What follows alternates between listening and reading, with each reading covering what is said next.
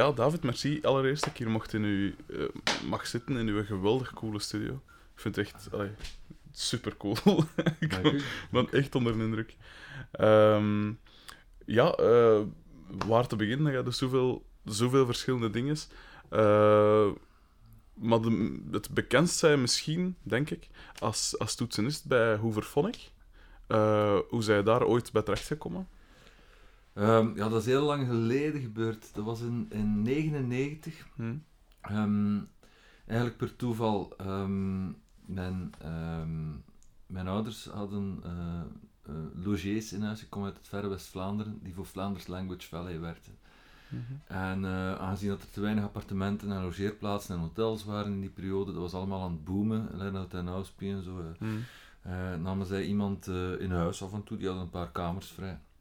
En dat bleek de broer te zijn van de toenmalige eh, monitortechnieker van eh Hooverphonic. Nu, eh, ik kende Gijke, die toen juist bij Hooverphonic speelde, dat was in Ja. 1999, ik denk dat hij toen daar een, een jaar of misschien anderhalf jaar bij speelde. Die kende ik nog van vroeger, wij komen uit dezelfde streek. Ik had me daar nog muziek gespeeld, zelfs toen dat zij zo 13, 14 jaar was, wat, wat dat heel grappig was. En op een gegeven moment kreeg ik een telefoontje van, van Alex Callier. Ik, ik wist eigenlijk helemaal van niets. En die zei van, ja, er zijn hier twee mensen die we hebben aanbevolen. Ten eerste mijn monitortechniek, die ik eigenlijk niet kende. Ik kende zijn broer wel. En dan eh Gijke, eh, die ik wel kende. Ja. Hadden geen goesting om bij ons auditie te komen doen. Frank Duchesne was juist eh, vertrokken. Dus dan ben ik gaan repeteren eh, in een kleine repetitiehok in een, in een varkensschuur in, in Sinai, waar ik nu heel toevallig gisteren nog eens geweest ben, voor de eerste keer in 15 jaar. Zot. En, eh, en dat was direct eh, in orde. Dan, dan heb ik eh 99 vooral festivals gedaan met hen. Hm. En voilà, dan heb ik bij Hoover gespeeld, eigenlijk in de, in de, de gloriejaren, Ja. als ik het zo mag zeggen. Eh, toen dat er nog heel veel naar het buitenland gegaan werd, toen wij grote Amerikaanse tournees deden, eh, et cetera, et cetera. En eh, eh, toen is onze samenwerking gestopt, ik denk in 2005. Ja. Ehm, en eh, ja, dan de laatste paar jaar ben ik af en toe dan eh, de gast beginnen vervangen die mij toen eh, vervangen heeft, Remco, een Nederlander. Ja. En sinds de laatste tour zit ik er weer vast bij. Cool. En hoe zei, je dan, hoe zei je dan oorspronkelijk begonnen met muziek maken? Hoe- Goh, dat, ik ben heel lang geleden begonnen met muziek maken. Ik, ik denk dat ik piano ben beginnen spelen toen ik vier jaar was. Vier al. Ja, ja, ja, eh, ja, ja vier jaar. Hoe dat? Eh, klassieke piano. Eh, mijn mijn grootmoeder had blijkbaar gemerkt dat ik, zonder dat ik piano kon spelen, dat ik wel kinderliedjes op de piano kon spelen.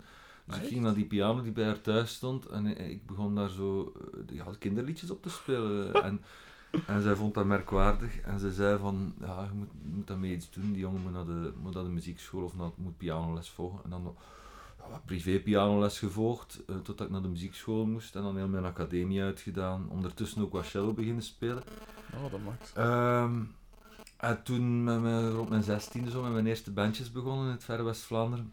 Nee. Ben ik, eh, denk ik, in welk jaar moet dat geweest zijn? 92 denk ik.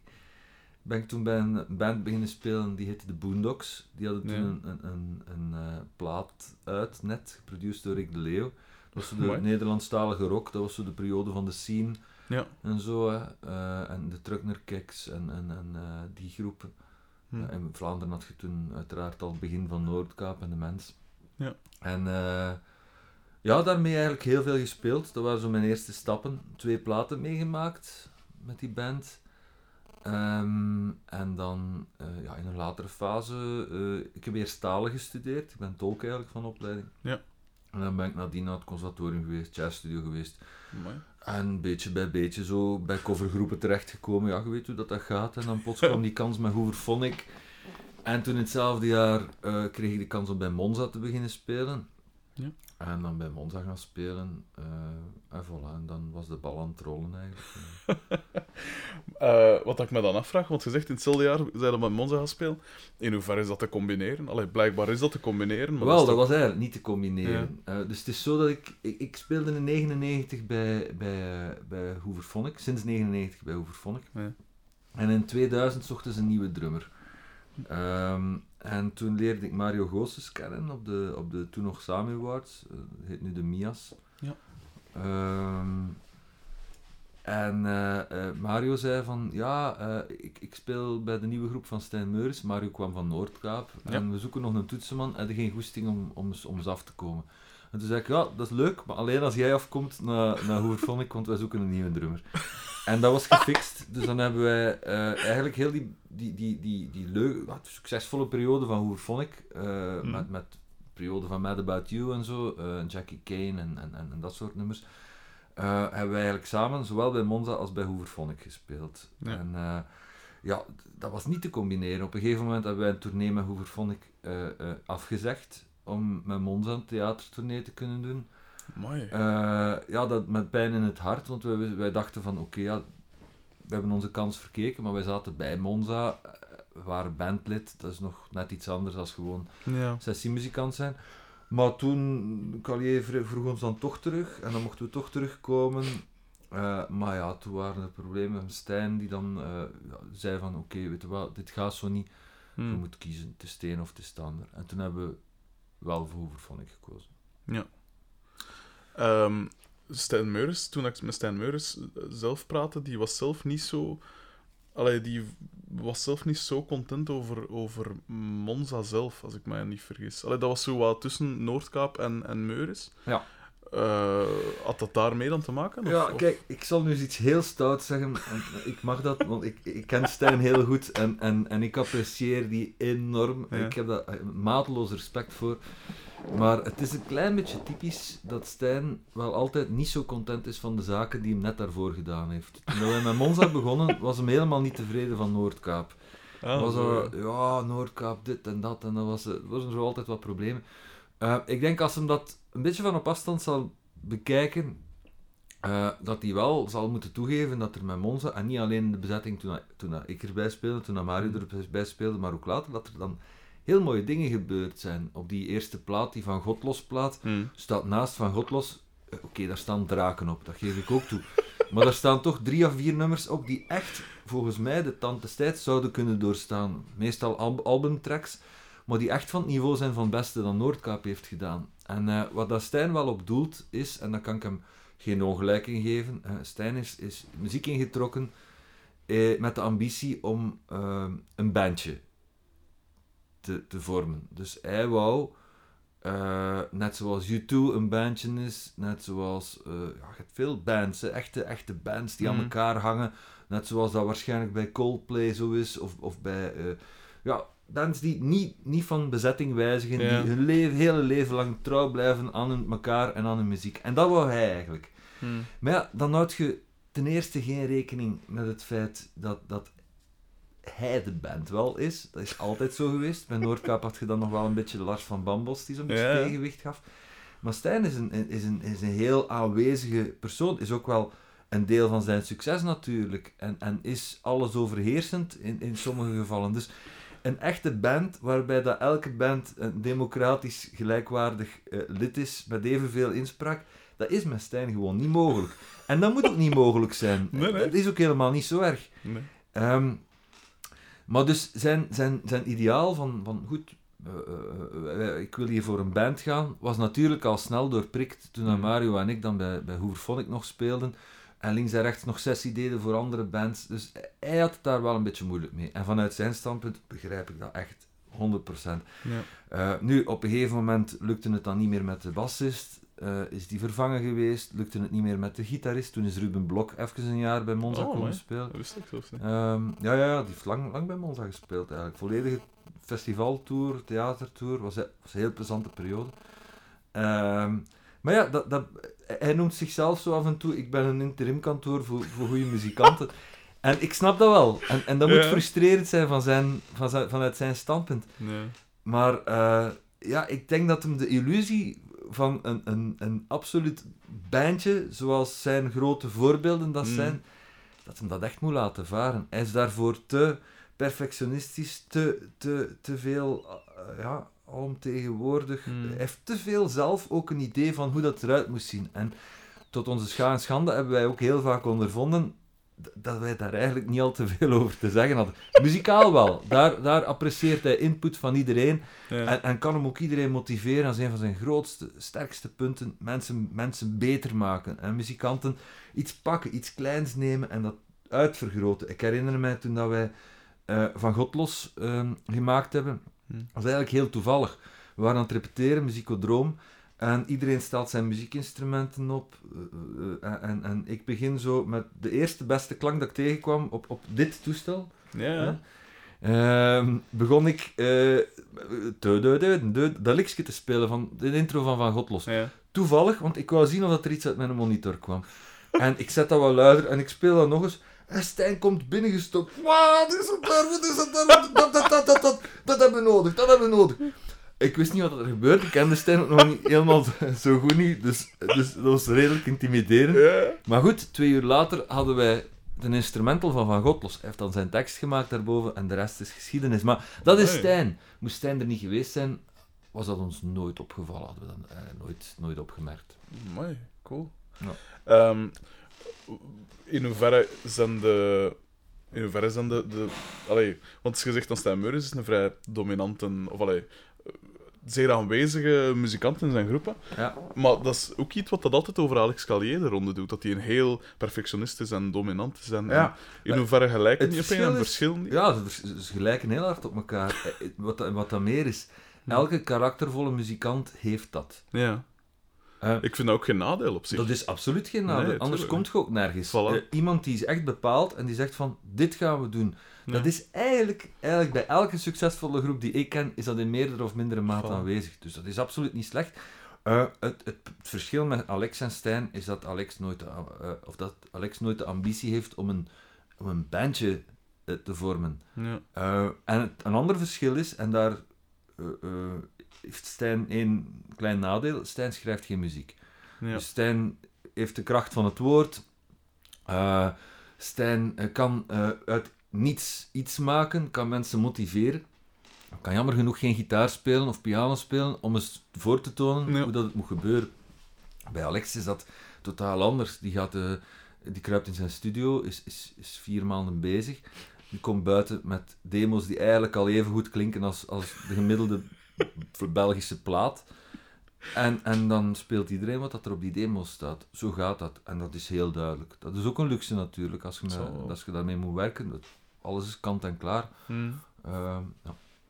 Ehm, maar eh, allee, je, bent ook, je bent zelf ook, ook producer en, en eh, je schrijft ook soms nummers voor anderen. Je doet eigenlijk ja, je doet alles eigenlijk wat dat je kunt doen als muzikant. Ehm, maar waar voel je dan zelf het beste bij? Want je zegt nu van Alex Calier daarvoor, die schrijft eigenlijk de dingen al voor u. Ja. Bij Stijn Meuris heb je dan meer dat je zelf kunt doen. Bij, bij, als je nummers schrijft voor anderen, bepaal je natuurlijk volledig zelf wat dat je doet. Ja. Waar Wel- voel je jezelf het beste bij?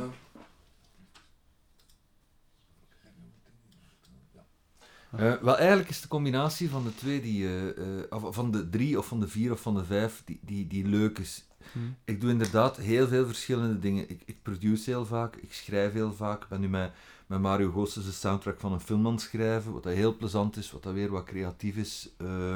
De producties vind ik ook heel creatief. Ik geef ook nog les op PXL, een Ja. dag in de week. En het is eigenlijk die, die variatie die, die zo leuk is. Ehm, soms heel dienend eh, doen wat dat iemand anders zegt en soms de touwtjes zelf in handen kunnen hebben. Hm. Eh, ik, zou, ik zou niet willen altijd ten dienste staan van anderen, maar ik zou ook niet willen altijd de, de last van de verantwoordelijkheid op mijn, op mijn rug willen dragen. En daar voel ik wel dat met name Alex daar, daar eh, heel hard onder te lijden heeft. Hij, hij, hij wil natuurlijk, het is een controlefreak, hij wil de touwtjes in handen hebben, maar langs de andere kant horen daar ook de verantwoordelijkheden bij Tuurlijk. je moet iedereen in dezelfde richting krijgen. Eh, dat is, is, is moeilijk. hè. Ik kan mij voorstellen dat voor hem bijvoorbeeld wel eens leuk zou zijn om in een, in een projectje gewoon, gewoon bas te gaan spelen. Ja. Hij- maar ja, hij gaat, in no time gaat hem die, die groep overgenomen hebben, dat ben ik ook zeker. Eh, de aard van het beestje. Ja. Ja, ik, ik kan, al- als hier bijvoorbeeld, als, als iemand als, als eh, Gert-Jan van Helmond van Douglas Firs hier komt Mm. en zegt van, kijk, ik heb nu orgeltjes nodig voor op mijn plaat, dan, dan speel ik gewoon exact wat dat hij mij vraagt te spelen. En dat is ook heel, heel leuk Hmm. om, om, die verantwoordelijkheid dan niet te hebben van daar wel, daar niet. Hè, dan geef ik uiteraard mijn mening, doe mijn mond open. Maar, maar hij is eindverantwoordelijk. Als hij zegt, daar speelt je, daar niet. Daar speelt je sober, daar mocht je losgaan. Dan doe ik dat met veel plezier. eh. Hmm. Ehm, toen dat je zelf... Want je bent dus begonnen met, met muziek maken of spelen op je, op je vier jaar, zeg dat juist? Ja. Ehm, in hoeverre waren je toen echt al bewust van een fenomeen gelijk, gelijk muziek? Want je zegt, ja, ik speelde kinderliedjes na. Maar eh, waren je toen echt al bewust van eh, allee, wat, dat je, ja, wat dat muziek was, wat dat muziek deed? En, en, en, en waren je echt bezig met muziek? Of... Wel, ja, eh, eh, meer zelfs, eh, zonder dat ik het zelf besefte, was ik blijkbaar al aan het improviseren. Ik, weet, ik herinner mij toen ik in de lagere school zat, dat ik over de middagpauze naar huis kwam en, en dat eten moest op vijf minuten binnen zijn. En dan kroop ik Dat achter, kan ik. achter die piano, en dat was die piano die hier boven in mijn woonkamer staat. Ja. En dan begon ik, ja, ik, ik noemde dat toen niet improviseren, want dat woord kende ik waarschijnlijk niet. Ik noemde dat fantaseren. dus ik pakte een strip, letterlijk, ik las die strip en ik begon ondertussen wat piano daarbij te spelen. En, en, en zo is dat besef, ik, ik dacht dat dat normaal was. Hè. Later toen, hè, toen ik zo middelbare school zat, bleek dat toch niet zo helemaal normaal te zijn. Eh, ik ben ook gelukkig gezegend met, met een absoluut gehoor, dus ik kan eigenlijk alles spelen wat, ik, wat ik hoor. Ja.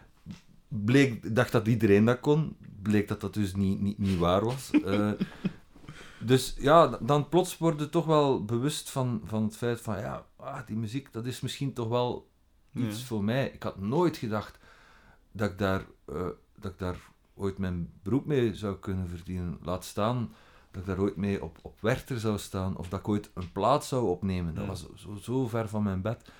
Maar dan gerold daarin en, en gewerkt keihard. En, en, en dan plots komt dat dan allemaal voorbij. En, en dan is het de volgende stap en de volgende stap en de volgende stap. En voilà, zo, zo groeit dat wel. Hmm. Eh, Super cool. ik, zou, ik wou dat ik in uw plaats was. Ja. Ehm, eh, hoe, hoe toen ik muziekschool deed, ook piano, toen, eh, ik haatte dat eigenlijk. Allee, Ja. ik, ik speelde wel graag piano, ik maakte graag muziek, maar ik, het, de lessen, ik ben nooit een schoolmens geweest. Hoe was dat voor Dat u? is heel herkenbaar, ja. Hmm. Ehm, dat is heel herkenbaar. Ik vind ook dat het, dat het, eh, het muziekonderwijs eigenlijk niet aangepast is aan, aan mensen die gewoon recreatief muziek willen beoefenen, die daar hun plezier aan willen hebben. Hmm. Ik merk dat bij mijn kinderen. De twee oudste gaan ook naar de muziekschool, de jongste in een inleidend eh, jaartje zo. Maar die worden echt niet getriggerd om, om daar iets mee te doen. En, Nee. en dat vind ik heel jammer. En dat is het probleem van het systeem. Eh, anderzijds denk ik wel dat ik persoonlijk wel gebaat ben geweest van, van, van een, een ouderwetse klassieke opleiding. En Ja. ik had dan het geluk, toen vond ik dat een ongeluk, dat mijn, eh, mijn vader, die ik eigenlijk amper zag, want die was professioneel altijd weg, maar s'avonds, die kwam thuis, die haalde mij uit mijn bed als ik niet piano gespeeld had. Hè. Die zei nog, en nu gaat nog een uur piano spelen. Dat was griezelig, inderdaad. Ja. En, en toen haatte ik dat. En dat was Ja. met traantjes en alles erop en eraan. Maar ja, weet je, ik kon wel op mijn zestiende eh eh, klaviersonates van Mozart spelen en zo. Ja. Dus, dus, dus dat heeft ook zijn voordelen gehad. En doordat ik misschien wel een beetje talent had om, om, om, om, die piano makkelijk te assimileren, ging het waarschijnlijk bij mij ook sneller dan dat bij sommige andere eh, mensen eh, gaat. Hmm. En eh, toen, ik zei het, toen haatte ik dat. En ik wil ook dat nooit toepassen op mijn kinderen. Hmm. Maar, maar ik denk wel dat dat voor een stuk de, de, de reden geweest is waarom dat mijn techniek op een bepaald level stond. Om dan later in die jazzstudio terecht te komen en te merken van... Oh ja, eigenlijk, ça va. Val wel mee, ja. En, en, en, en ik ben blij dat ik dat gedaan heb. Ja. Ja. Ik heb ook onlangs voor het eerst... eh, ik ben gestopt met piano op mijn 16, denk ik. Ook toen dat ik in groepen begon te spelen, maar dan als bassist. En ik heb eh, voor het eerst, bij ik vorige week of twee weken geleden, mijn moeder bedankt dat ze me gedwongen heeft om naar de muziekschool te Ja, gaan. en wel. Maar moest, moest die muziekschool nu toch iets meer op maat gesneden Hmm. zijn van, van wat dat je zelf wil? Langs de andere kant, er zijn nu muziekscholen die pop- en rockmuziek aanbieden en die vanaf heel jonge leeftijd u leren met akkoorden omgaan en leuke liedjes te spelen. Hmm. Maar ik merk dan wel dat iemand die dan 18 is en zijn muziekschool uitgedaan heeft, dan wel die technische bagage mist, Ja. die ik wel heel goed heb kunnen gebruiken. Ja, later. zeker. Dus ehm, eigenlijk zou het op twee niveaus moeten werken. Hè? Mensen die, die echt getalenteerd zijn, die ook zelfs klassieke muziek willen doen aan het conservatorium, waar ik dan waarschijnlijk het talent niet voor had, om, om Mm. dan uren en uren en uren en uren Ja. op, op, op één ding mee bezig te zijn.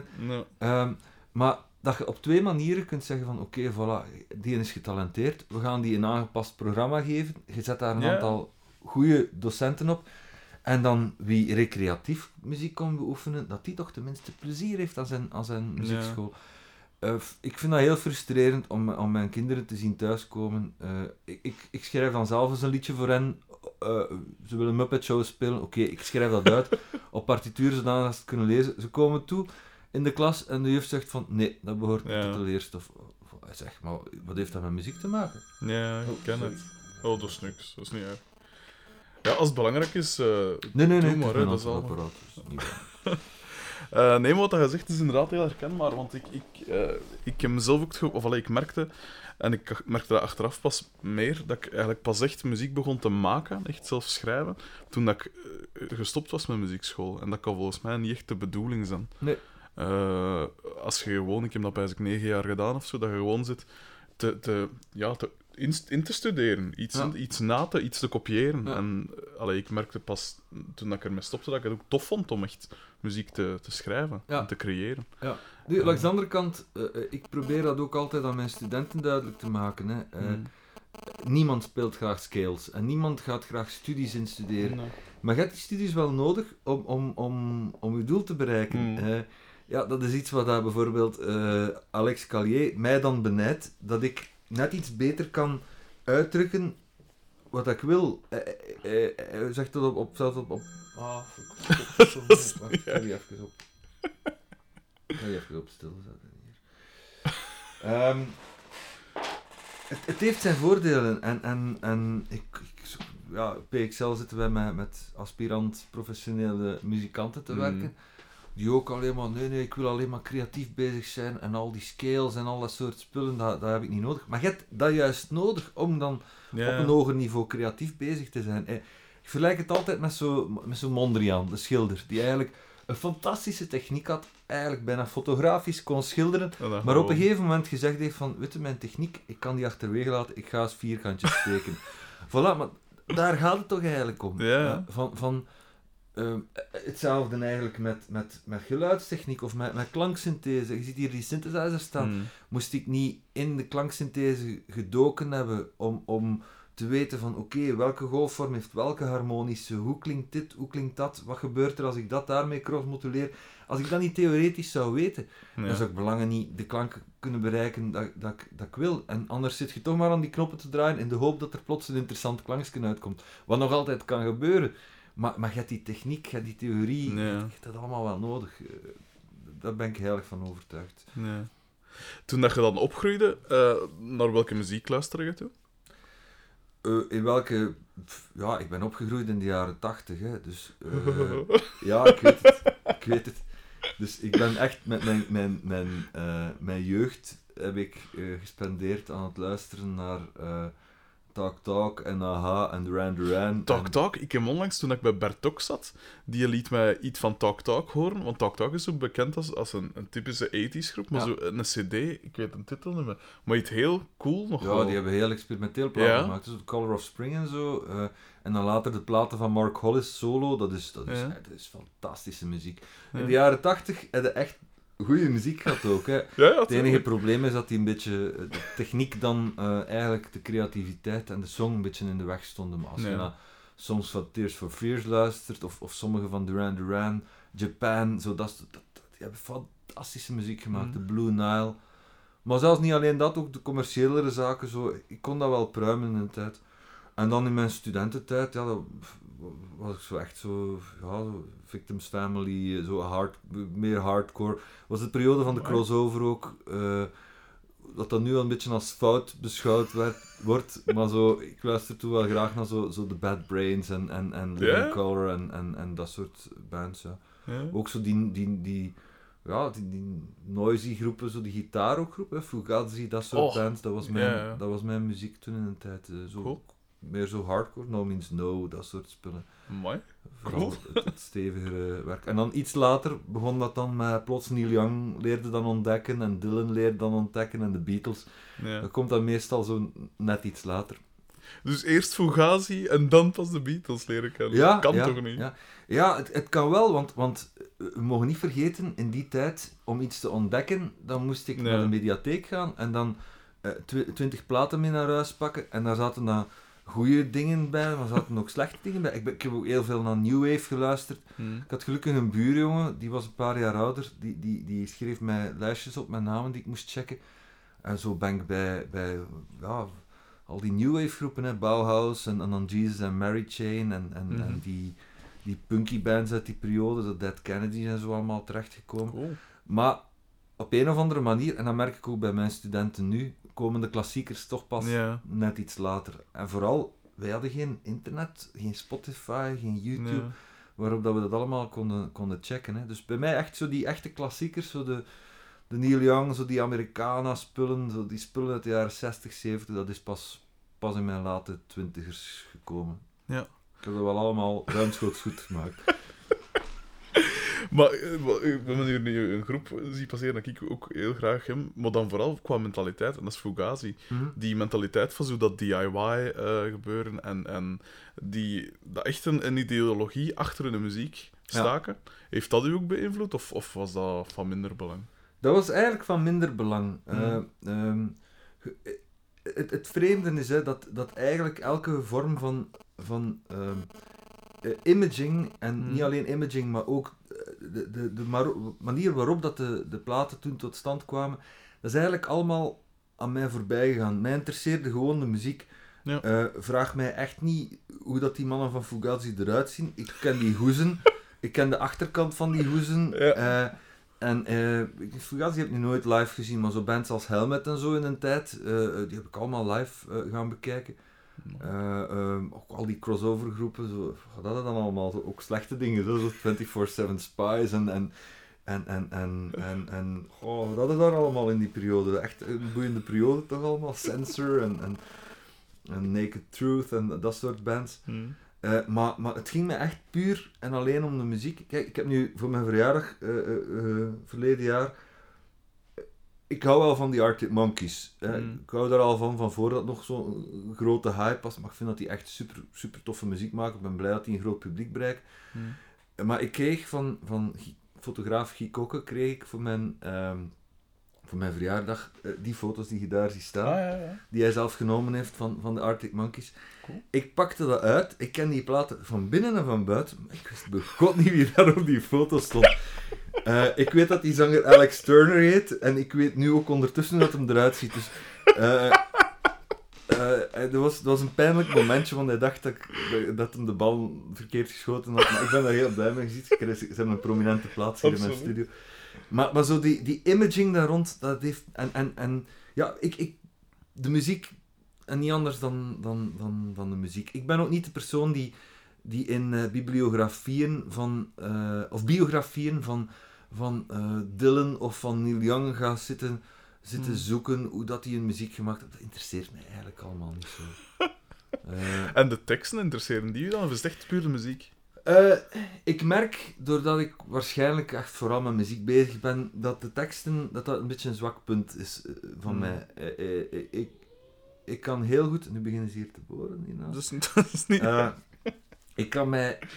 Ik kan heel hard genieten van een tekst, maar ik moet, ik moet de tekst erbij nemen en ik moet de moeite doen om, om die tekst te lezen. Ja. Eh, ik heb er een beetje moeite mee om... om je hebt mensen die echt alleen naar de tekst luisteren. Ik begrijp dat ook niet. En eh, bij, mij, bij mij lukt dat niet. En Nee. ik, ik ben daar jaloers op. Ik kan ook geen teksten onthouden, bijvoorbeeld. Zelfs bij de mens, ik speel nu bij de mens. Ja. eh, ben nu sinds kort zelfs, zelfs vast lid van de mens. Inderdaad, ja. En, en ik, ik heb zelfs moeite. Ik haal. Ik zeg dan ergens. eh, We moeten, we moeten ergens onderweg nog spelen. Nee, ik zeg dan nergens onderweg. En dan lachen ze mij vierkant uit natuurlijk. Het is uiteraard ergens onderweg. Terwijl ik Frank zijn teksten, als ik ze erbij neem, vind ik ze geniaal. Ja. Rondweg geniaal. Ja, zeker. Eh, maar eh, ja, dat is iets fout in mijn, in mijn brein. Die, die muziek, dat blijft overheersen. Hmm. Ja. Je, je zegt nu, je haalt nu de mensen aan. Hoe zijn daarbij terechtgekomen? Ja, eh, ik, Michel de Koster heeft blijkbaar tegen u gezegd van... Ja, die was daar plotseling. Eh, ik wil dat hier nu recht zetten. Ik was daar niet plotseling. Het probleem is dat Michel de Koster er nooit bij was in het begin, eh, toen, dat ik, toen ik mijn, eerste, mijn eerste zaken voor de mens deed. Maar bijvoorbeeld... ehm, ja, ik, ik heb op platen van de mens al meegespeeld eh, onder de duinen, dus lang geleden. Hm. Ehm, dus Michel weet dat niet, maar ik heb die toetsen daarop gedaan. Frank en Dirk waren niet toen om, om dat op te nemen. Eh, toen hebben ze mij gevraagd, samen met, met Yumika, met mijn, met mijn vriendin, hebben ze mij gevraagd als gast op de Radio 1 sessies. Ja, Was cool. eh, heel leuk. Eh, ik vond dat ook een, een grote eer. Normaal vraagt iemand een, een, een band als gast of een, of een gevestigde waarde. Hm. En wij werden als koppel uitgenodigd om daar als, als gast te fungeren. Dat was, was, was echt heel leuk. En eh, toen kwam de 20 jaar De Mens.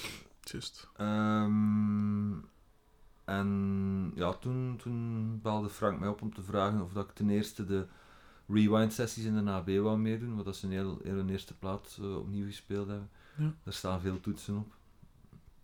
En eh, ah ja, ondertussen heb ik dan die tournee meegedaan. Dan hebben we samen de laatste plaat gemaakt. En die laatste plaat is nu een feit. En eh, ja, nu ze gevraagd of dat ik niet vast erbij wil komen spelen. Wat ook een grote eer is, want ik, ik, Ja.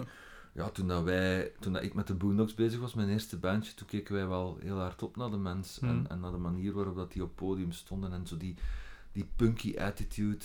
eh, ja, de mens is ook net zoals, zoals eh, Noordkaap dat was, en eigenlijk ook Gorky. Hm. Dat waren geen Nederlandstalige bands. Die zongen toevallig in het Nederlands, maar dat Ja. waren gewoon Ja. bands. Punt. Hm. Ehm, als ik nu nog Nederlandstalige muziek produce, ik heb nu de plaat van Yevgeny geproduceerd, dan probeer je dat altijd zo wat in het achterhoofd te, hou- achterhoofd te houden. Het gaat uiteraard om de teksten, en die zijn in het Nederlands, Hm. maar laat ons dus abstractie maken van het feit dat, dat dit Nederlandstalige muziek is. Het is gewoon Ja. muziek to court, en we gaan dit as such proberen op te nemen en... en, en Ja, want ik versta wat je bedoelt, want als je een, een, eh, allee, een, een, een, Engelse groep of weet ik veel, dan luisteren veel meer naar de muziek. Maar van als dat dan allee, een groep in het Nederlands zingt, dan is, precies, dan is het eigenlijk, draait het eigenlijk enkel om de tekst en we vergeten precies hoe de, de Ja, melodieën of de. En dat is een heel raar ref- reflex, dat we Ja. daar dan plots op beginnen focussen. En enkel dat zien of horen. Ja, ja. Ik vind dat heel raar. Ja, en ik heb dat bijvoorbeeld persoonlijk heb ik dat niet met, met Noordkaap. Ik herinner mij Hm. Eh, met Monza, Noordkaap, maakt niet uit, Meurs. eh, en met, met de mensen ook niet trouwens. En met Gorky eigenlijk ook niet. Terwijl, ja, Gorky heb ik toch wel altijd zo nog, nog net iets minder universeel. Hm. Eerder iets, iets, eh, eh, eh, ja, ehm, iets, iets meer rond de kerktoren gevonden. Zonder daar een, een waardeoordeel over, over te willen geven. Want ik, ik ben wel fan van, van wat Luc de Vos eh, eh, deed. Ja. Maar eh, ik weet nog, die eerste concerten van Noordkaap vroeger, ja, dat was, een, dat was, dat was precies of dat je naar een, naar, een, naar een echt zwaar Engels rockconcert aan het kijken was, van een Engelse Ja. band. Alleen het werd, het werd in het Nederlands gezongen, dat was het enige verschil. Ja. dat was rockmuziek, punt. Eh was wel redelijk impressionant toen. En mensen eigenlijk ook, maar dan op een, op een, met een ander soort muziek. eh. Ja. Eh, in wat voor, hoe is de dynamiek bij, bij, de, bij de mens dan? Qua, qua... Allee, want bij de vorige groepen dat we nu al opgenoemd hebben, zijn er duidelijke leiders. Is Frank van der Linden ook zo'n een, een, een echte bandleider? Frank is. eh, Frank is veel zachter als persoonlijkheid. Frank Mhm. is echt eh, iemand die, die de kerk altijd in het midden probeert te houden. Eh, ja, Frank is, is veel, veel relaxter in zijn manier van doen. Hij heeft ook niet die sturm en drang die, die, die Stijn wel heeft. Eh, Frank wil gewoon lekker wat muziek spelen. Maar als puntje bij paaltje komt, is hij wel degene die bepaalt hoe of wat. Hè, zo artwork, dat soort zaken. eh, welke festivals er gespeeld worden. eh, dat, dat soort zaken. Dat is, dat is Frank wel. eh. Ja. Maar, maar ja, je, je kunt het niet vergelijken. Eh, de mens is ook veel meer dan, dan Meuris dat is. Nu, ik kom er nu bij, maar ik voel mij al heel thuis binnen de groep. Maar je hebt nog altijd dat verschil tussen die drie, twee, dan met erbij drie Hmm. kernleden die er al nu twintig jaar samen zijn. Dat zijn, dat zijn maten gewoon, dat is een vriendenclubje. Dat zijn gasten die, die, die eh, ja, dat, dat, dat wordt amper over muziek gesproken. Dat is gewoon, dat is gewoon alsof dat je met maten op café zit. En eh, ik voel me daar heel hard thuis in, alhoewel ik nog altijd zo'n beetje los ervan sta. Er is ook een generatiekloof, hè. zij zijn bijna bejaard. ik ben nog een, frisse veertiger. Ehm, maar maar, maar dat, dat, dat vind ik zo leuk en dat, dat heb ik eigenlijk bij geen enkele groep Mm. eh, eh, gevonden. Behalve misschien bij die allereerste groepen wat ik bijspeel, die dan ook echt zo nog, nog, nog vriendenkliksjes waren. Ja. Ehm, maar dit is, ja, het is vrij uitzonderlijk, denk ik hoor. Eh, Mm. Je hebt tussendoor ook nog... eh, Allee, tussendoor. Je hebt ook nog bij Arid eh, een en ander gedaan. ja, ik heb eh, een jaar of vier toch bij Arid gewoon piano gespeeld. En Ja. op keyboards gespeeld. Maar dus niet als, als vastlid? Of, of, Nee, nee, nee. De vastlid die waren met drie. Hè. Dat was Ja. Jasper uiteraard, en dan David Dupré en Steven van Averen. Ja. En dat werd dan live aangevuld met, met een bassist, Maarten Standaard, en met mij. Dus wij behoorden niet tot de, tot de band. Ja. Eh, wat ook heel duidelijk was, eh, ik heb er ook absoluut geen probleem mee. Een beetje hetzelfde principe als bij Hooverphonic eigenlijk. Ja, was ook een heel leuke periode hoor, met Arid. We hebben heel leuke, leuke dingen gedaan, veel in Wallonië gespeeld, heel tournee in Frankrijk gedaan. Dat was echt een leuke periode. En ook Arid i- is zo ook, dat was zo een, een band die groot genoeg was om heel professioneel te werk te gaan, maar ook zo nonchalant genoeg om er plezier in, in te hebben. Zo. En Ja. dat, dat, dat vond ik wel leuk. En ja, ik vind Jasper een, een onwaarschijnlijk straffe songwriter ook, heel goede zanger. Ehm, Hmm. Dus dat was wel, was wel leuk. Ja. Eh, je hebt ook... Allee, we hebben het nu vooral over je, over uw eh, speelactiviteiten al gehad. Allee, het echte pianowerk. Eh, maar we zitten hier in een ongelofelijke studio. Hoe, hoe zijn daar dan plots mee begonnen? Want dat is toch ook... Allee, je begint niet zomaar uit het niets, toch met een Nee, joekel wel, van een studio. Dus eh, mm, ik ben altijd geïnteresseerd geweest in de technische kant van het muziek maken. En, en ook ehm, de technische kant van het muziek beheersen. Dus synthesizers, eh, elektromechanische toestellen, die hebben mij altijd minstens evenveel geïnteresseerd als, als de pure piano. Ja. Ehm, dus eh, op een gegeven moment ben ik zo stilaan begonnen met, met, met zijn instrumentje te kopen. Die waren gelukkig toen ik ermee begon, een twintigtal jaar geleden, een pak goedkoper nog, die vintage instrumenten, dan Mm. nu. Nu hadden een revival, alles is onbetaalbaar geworden. Maar eh, op een gegeven moment dacht ik van, ja, het zou eigenlijk wel leuk zijn om zo, om zo ook achter die knoppen te kunnen zitten. En, en ik ben altijd ook heel betrokken geweest bij de bands bij wie ik speelde. Ik ga nooit mijn mond houden, eh, dat, of dat dan nu bij Hooverphonic is of bij, Mm. bij, bij Monza zeker. Eh, eh, ik ga altijd mijn gedacht zeggen, eh, ook al wordt daar dan geen rekening mee gehouden. en dan ben ik plots begonnen met, met, met, met produceren. Eh, de eerste band dat ik gedaan heb was Babel, denk ik. Dat was het vervolg op de Boondocks. Hè. Hm. Een plaatje dat Nederlandstalig was, Nederlandstalige popmuziek was dat, zo'n beetje stijl Frank Boeien zo. eh. heel leuk, goede recensies gekregen, ook bij, bij uw krant. Bart Steenhout was, was en is nog altijd een grote fan. Eh, en dan zo daarin gerold en dan links en rechts wat meer producties gedaan. Ik denk dat ik ook de facto wel bij die eerste Monza-plaat eh, toch ook wel redelijk veel eh, productionele activiteiten op mij heb genomen. Zo, jo Franke produceerde dan en oké, hij zat Mhm. achter de knoppen en, en mixte. Maar de pre-productie was, ik denk toch wel, we hebben dat uiteraard samen gedaan en Mario had ook heel veel input. Hm. Maar zo de klanken en zo, eh, denk toch wel dat ik daar wel, wel, wel, wel een input had heb. En, en dat, dat groeide dan altijd maar en dat was altijd maar uitgebreider. En dan, vroeger deed ik mijn producties altijd in, in externe studio's. Dan ging ik naar de Jet of de ICP of, of La Chapelle of, of Hmm. Motor Music. Eh, of in het buitenland naar studio's zelfs. En dan, eh, ja, sinds een paar jaar kan ik dat allemaal bij mij thuis doen. Dus Hm. dat is ook heel plezant. En heb je dat dan gewoon allemaal zelf op een tast geleerd? Of Ja, eigenlijk wel. Ja. Ja. Met vallen en opstaan. En eigenlijk, ik heb daar lang veel schroom voor gehad. Omdat Mhm. ik ook altijd gewerkt heb met mensen die, dat, die heel goed waren in die technische zaken. Dat ik eigenlijk zo dacht van, ja nee, weet je, ieder zijn job. Ik doe gewoon, ik bepaal de artistieke lijn en, en, en, en, en bepaal eh, het, het budget en bepaal dit en dat. En, en, en zeg in welke richting dat de groep moet gaan. Maar het puur technische, dat laat ik over aan mensen die er iets van Ja. Meer van kennen dan ik. Maar, maar gaandeweg heb ik plots dan het heft in eigen handen genomen. Nu, mixen doe ik nog altijd niet zelf. Maar de opnameluiding en echt puur opnemen doe ik nu eigenlijk altijd al, al, zelf. En ja, je groeit daar ook een beetje in. Hè. Ja, Er bestonden vroeger ook nog geen scholen waarin dat je dat kon, kon, kon studeren. nee. Dus de meeste engineers zijn eigenlijk self-made men. Ja. Eh, Maar ja, hoe weet je dan wat dat je nodig hebt allemaal? Want ik ben nu zelf stilaan aan het begin. Allee, onlangs heeft een groep mij ook gevraagd om... Wil je ons een demo eens oppakken? Omdat die weten dat ik ook veel gerief sta in thuis. Maar ik kan er eigenlijk totaal nog niet zo... Allee, wat dat Kim kan ik wel enigszins mee werken, maar... Allee, ik zou nooit de pretentie al hebben om te zeggen van... Ziet, ja, we zullen die drums rap wel een keer oppakken. Want drums oppakken, ik zou niet weten.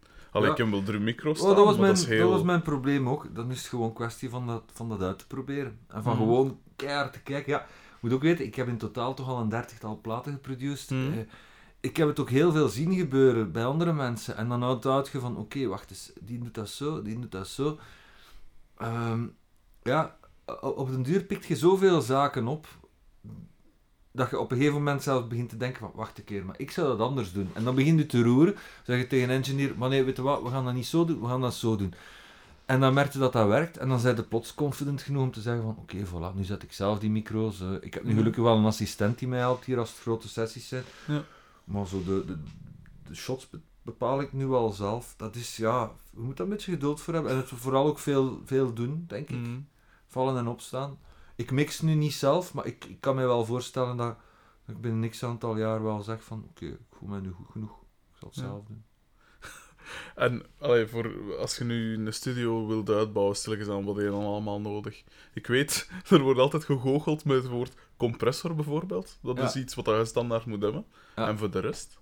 Goh, eigenlijk, eh, de dag van vandaag, als je, als je een beperkt budget hebt, wat heb je nodig? Een computer met een Hmm. DAW.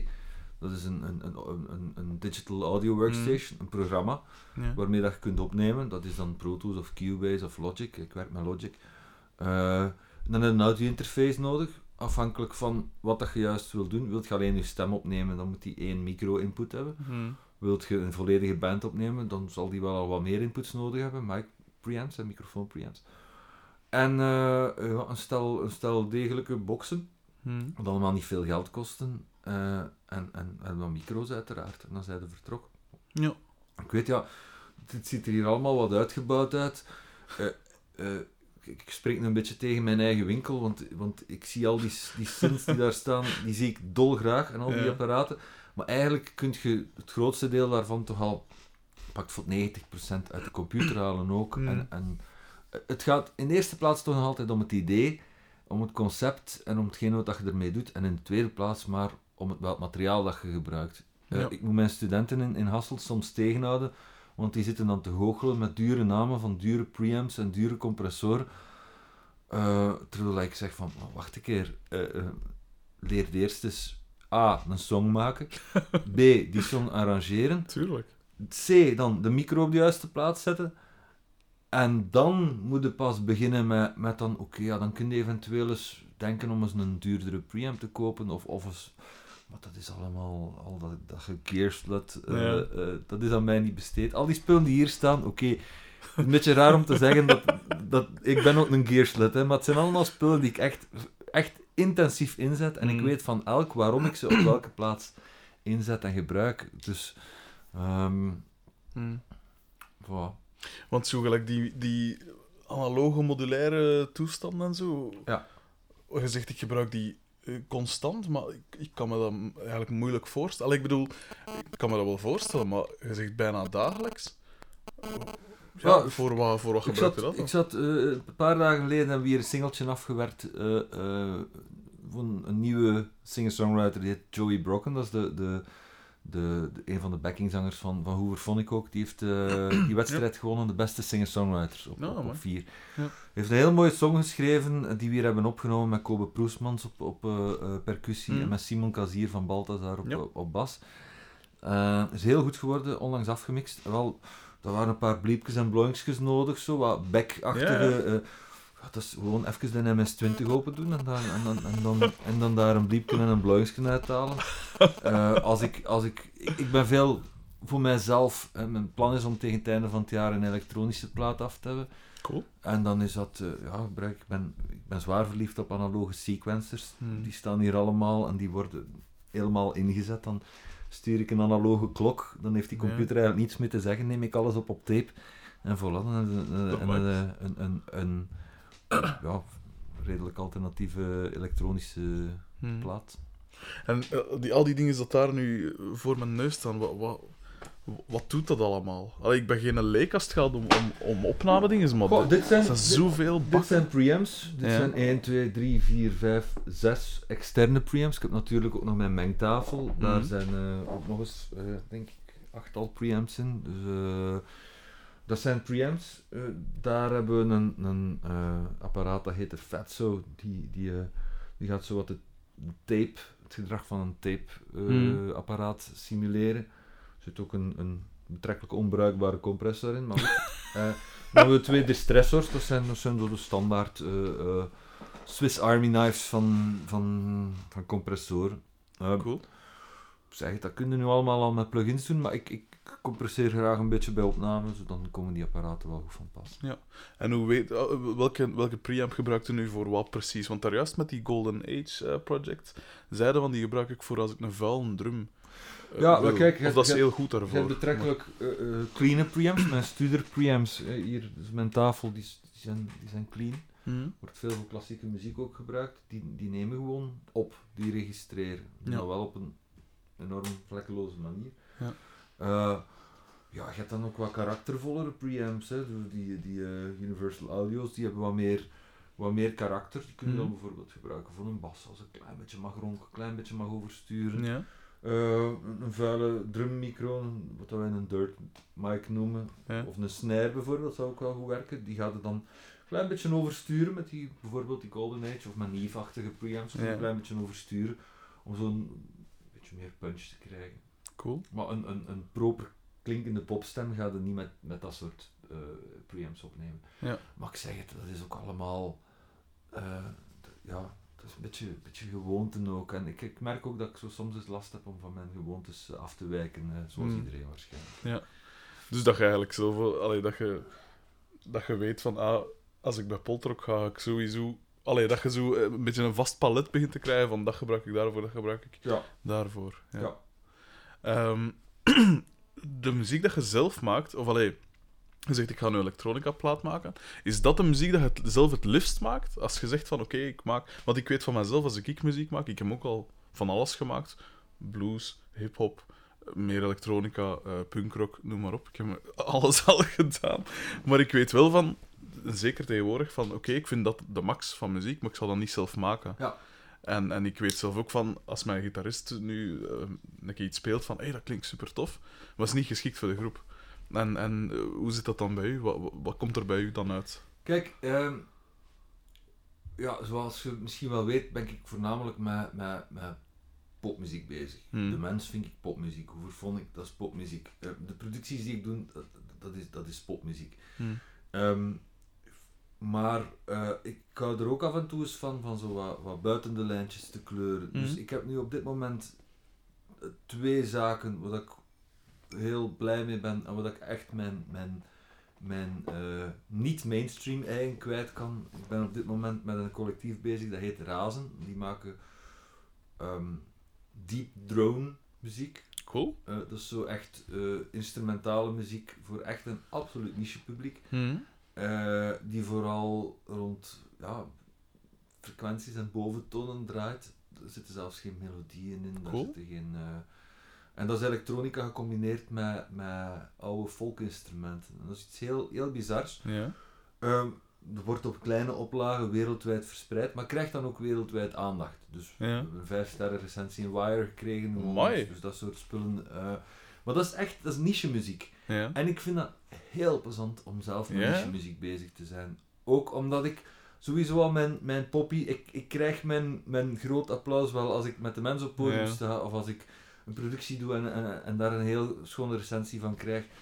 Ehm, maar daarnaast vind ik toch wel dat je af en toe ook echt, eh, eh, ja, dat, dat echt absolute creatieve ei wil of moet, moet kwijt kunnen. Met die elektronica plaat is dat ook zo. Dat zal, er is geen elektronica plaat zoals dat je bijvoorbeeld, eh, ik weet niet wat, eh, ehm, het is zeker geen EDM, het, is echt, het is echt heel obscure Mhm. niet-commerciële elektronica, waar zelfs geen, een, geen een basdrum hoeft aan te pas te komen. Ja, ja. Weet wel? eh, stijl Matmos, eh, ja, wat voor, wat, voor, wat voor bands zijn er allemaal?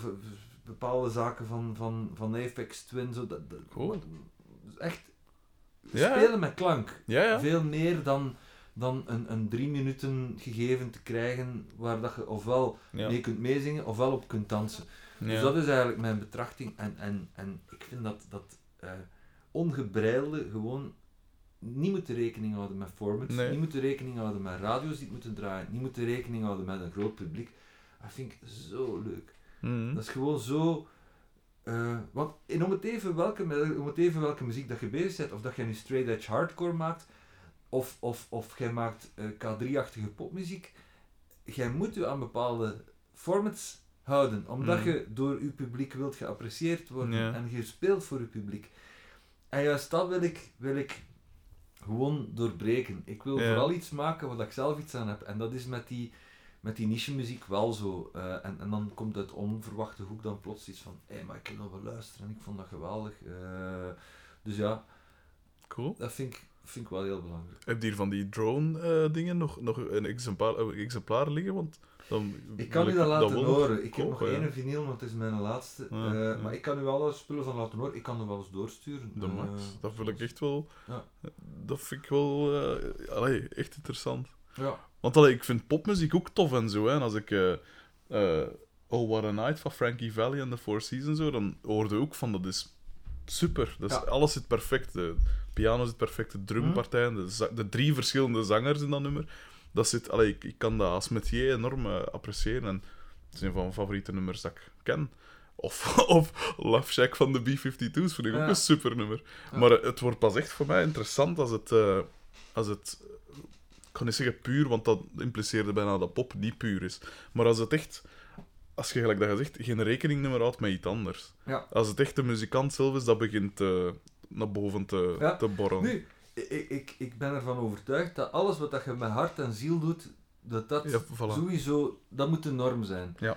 En eh, ik, ik, goed, in het begin van mijn carrière heb ik misschien links en rechts iets gedaan waar ik van dacht van, oké, eh, dit was misschien, maar goed, ja, je moet dan ook je boterham verdienen. Maar ik Het kan dat. me echt zeggen, de laatste tien jaar eh, heb, ik, heb ik nooit iets gedaan waarvan ik denk van, hier kan ik niet mijn ei in kwijt. Ja. Ik heb vreemde dingen gedaan. Ik heb opnames gedaan met de Hickey Underworld en, en de Van Ja. Jets eh, voor een bepaalde plaat. Maar ik heb ook met Wim Soetar opnames gedaan. En telkens kan ik mezelf echt, echt helemaal eh, in de spiegel blijven kijken en zeggen van... Je hebt dat goed gedaan. Want je probeert daar overal iets, iets aan, aan, mee te geven. Waar dat je van denkt van, kijk, dit is nu mijn, mijn, mijn liefde voor mijn vak gedaan. En, Ja. en op het moment dat dat er niet meer is, dan, dan hoeft het voor mij ook niet meer. Dan, dan ga ik lesgeven, wat ik ook met veel plezier doe. Eh, ik kom zo af en toe eens collega's bij mij PXL tegen van, ja, weet je, het is, het is een, een schoon inkomen en het, het, het pays the bills. Ik denk daar niet zo over. Als ik daar naartoe ga, naar Hasselt, en ik kan mijn kennis overdragen aan, aan 18 tot 22-jarigen, eh, dan doe ik dat op een even bevlogen manier. En doe ik dat omdat ik dat graag doe. Ja. Oké, dat je daar iets voor betaald wordt, dat is mooi meegenomen. Hè? Maar dat is niet de, ma- de main reason waarom dat ik doe. Nee. Eh, om dezelfde reden heeft Mario Goossens besloten van dat niet meer te doen, omdat hij dat gewoon niet meer graag doet. Maar dan zijn je toch super eerlijk met jezelf. Voilà. Hè, als, eh, maar iemand die daar komt, dan zegt, huh, weer lesgeven vandaag. Dan zeg ik van, maar doe dan toch gewoon iets anders. Wat is Voilà. het probleem? En da- daar, daar gaat het uiteindelijk om. Eh, Ja. Van, van, van alles, alles met bevlogenheid, bevlogenheid te kunnen doen en alles met... met ja. Eh, Sommige dingen kan ik ook niet doen. Ik, ik kan echt, we waren daar straks over, over K3 bezig, of ik had K3 even aangehaald. Ik zou dat niet kunnen. Waarom niet? Niet omdat ik daar mijn neus voor ophaal, maar gewoon omdat ik die skill niet heb om, om die catchy melodies Ja. op die catchy akkoorden te zetten met catchy klankjes daarbij. Ik, dat, is, dat, is, dat is een probleem, dat is moeilijk. Dat is echt veel moeilijker dan dat de mensen zouden geloven. Kijk, ik ben nu bezig voor een film. Ehm, met, met Mario Goossens nu eh, zo 80s eh, eh, soundtrack, dus een 80s soundtrack aan het maken. Wat Hmm. ons te peletter mee amuseren. Echt. en, en, en niet vanuit een soort lacherigheid van, oh we gaan dus dit doen. maar vanuit een, een, een welgemeende adoratie voor Ja. eh, dat was toch echt wel goed dat ze toegedaan hebben. Daar hoort ook een, een, een bij die soundtrack hoort ook een, een, een EDM remix bij van een van die tracks, Mhm. waar we nu ook mee bezig zijn. En daar begint bij mij zo'n beetje het schoentje te knallen. Ja. Want ik, ik voel dat niet helemaal. En eh, oké, uiteindelijk heb ik iets gevonden waar we alle twee heel tevreden mee zijn.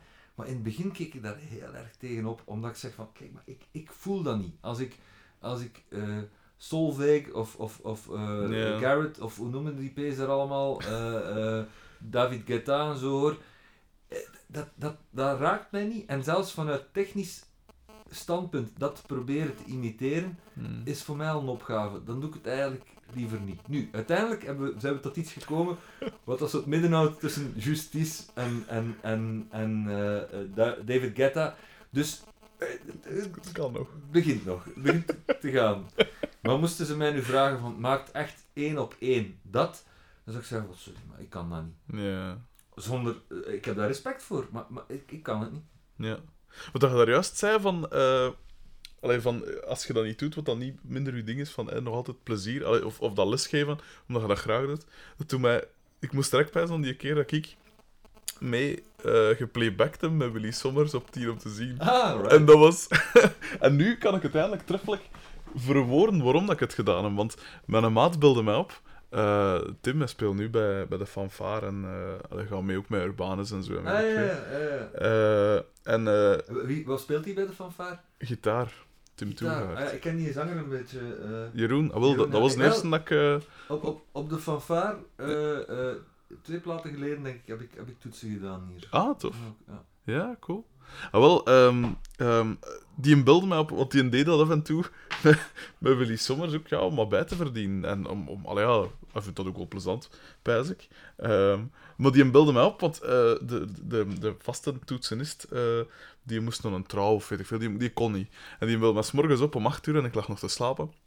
En die zegt, zeg, hey, goesting om niet mee te playbacken met Willy Sommers op, de, op 10 om te zien. En ik nog half in slaap. Ik zeg, maar ja, ja, ik krijg er 100 euro voor en gratis drank en eten.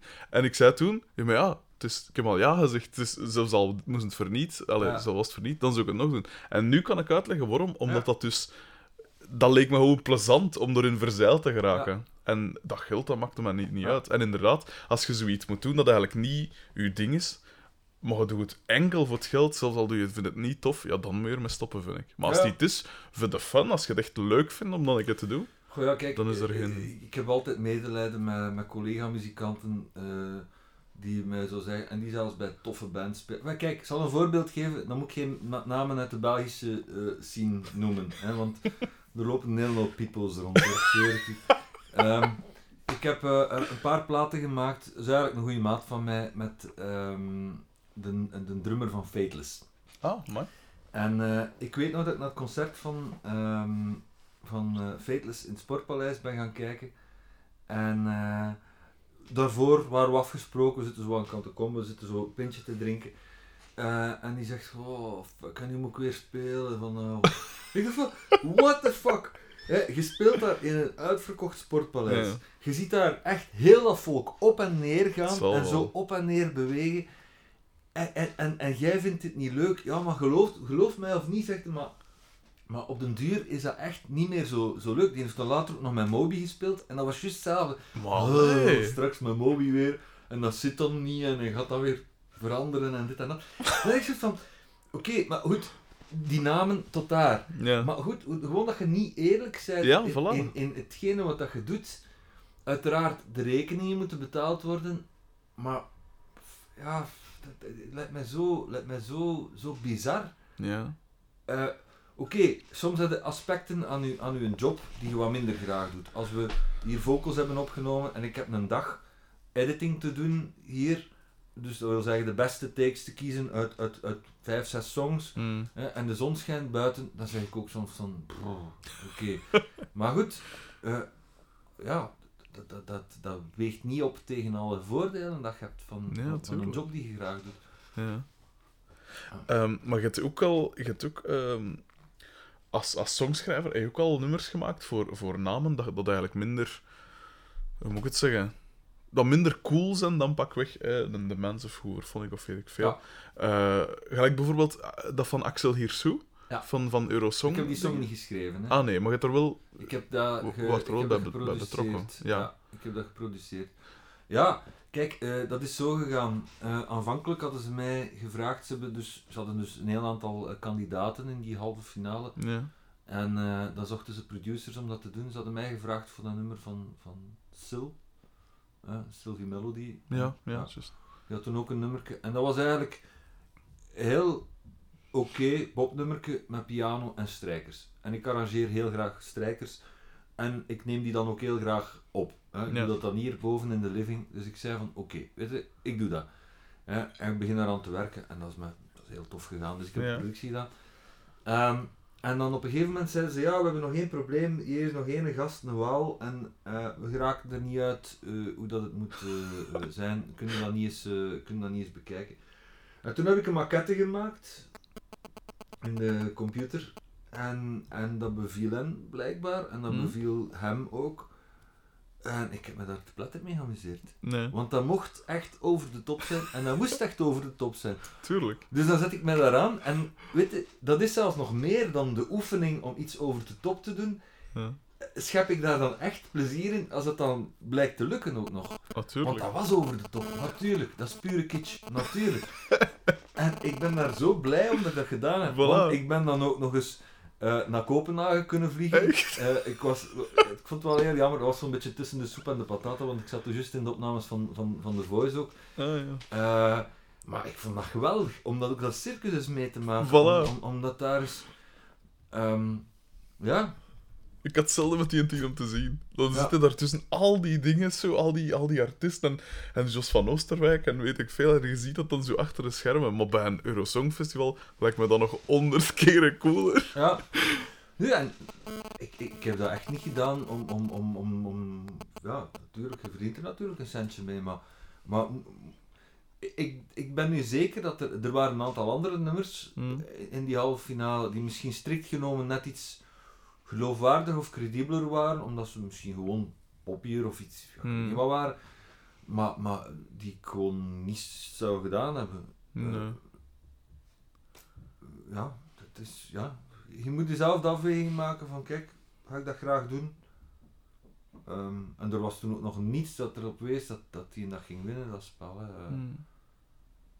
Als je, als je nu zelf een nummer schrijft voor iemand anders, ehm, ja, of laten we dan mee beginnen. Hoe, hoe gaat dat dan in zijn werk? Komen zij naar u of hey, ga je het geschreven en zeg je, ah, dat lijkt me wel geschikt voor die of die of die?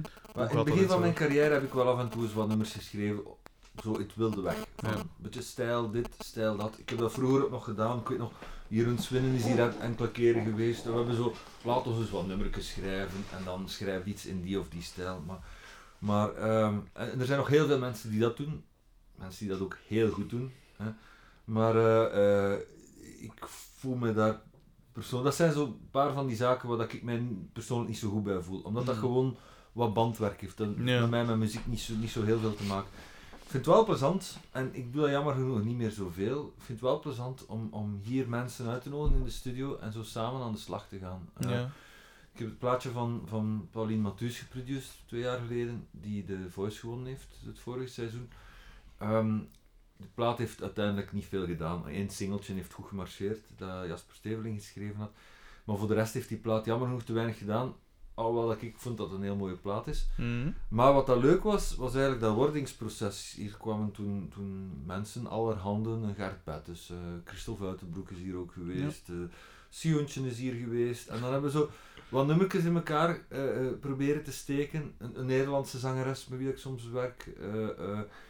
En, en, en soms werkt het niet.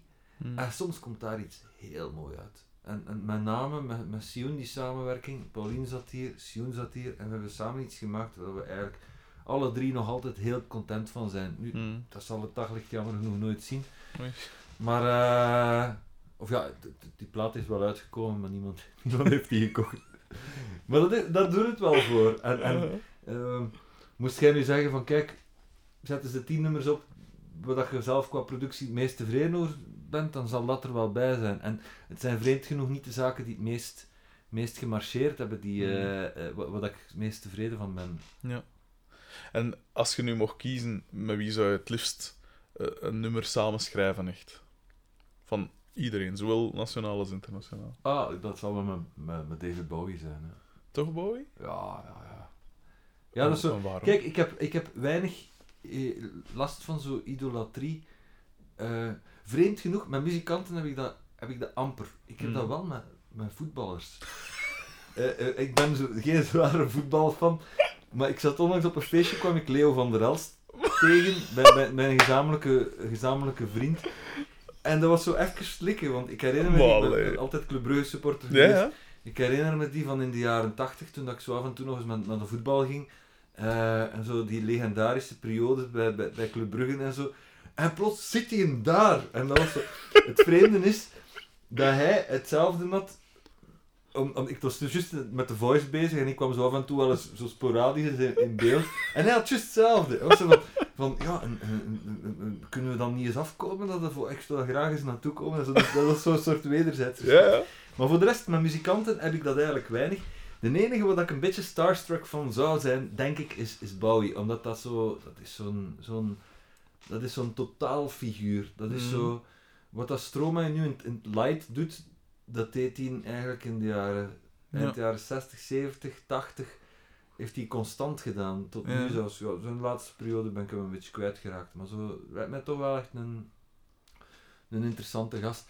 En met wie dat ik heel graag zou werken is met Johnny Greenwood van, eh, Terecht. van. Radiohead. Ik ben geen zo'n Radiohead fan, maar ben wel echt enorme fan van zijn, van zijn soundtracks. En van Ja, zijn hij heeft dat ook gedaan, hè. Ja. Hij heeft, hij heeft echt zo... eh, wel, en, en dat soort muziek, zo eigenlijk dat soort donkere Ja. elektronica, eh, dat is een beetje de richting waar ik naar op zoek ben voor mijn plaat. Ja. Dus dat is zo echt... ja, die, die kan mij krijgen, Johnny Greenwood. Kende Tim Hacker toevallig? Nee. Dat is ook zo'n een Canad ik kan dat, dat genre totaal niet omschrijven, maar dat is een Canadees. Ik heb hem nu twee keer gezien al in België. En die maakt ook hele rare, eh, ja, soundtrack-achtige dingen. Want ik ben bijvoorbeeld een, een eh, roman beginnen schrijven, ook iets heel donker. Ehm dat is nog maar in de prille beginfase. Hè. Maar eh, ik, ik moet altijd zo wat depressief zijn, wel op zijn minst echt down als ik, als ik schrijf, want dan komt, er, komt het beste eruit. Bij mij toch. Ik zeg Ja. niet dat dat vereist is, maar... eh, en ik zet altijd die, die plaat op. Virgins van Tim Hacker is echt een te zotte... ja. Ik vind dat echt een zotte plaat. Ehm, Ja. Vooral ook vanuit producer-standpunt, pijs ik. Eh, ehm, maar ik dacht misschien dat je hem al zou kennen. Nee, nee, nee, nee. Maar ik ben ook aan het bijleren. De- Nee. Weet je, eh, als er één ding is dat ik nu de laatste tijd sinds Spotify en sinds de nieuwe media heb geleerd. Uw printer begint Ja, mijn daar te- printer begint mysterieus. eh dat zag je niet. Dus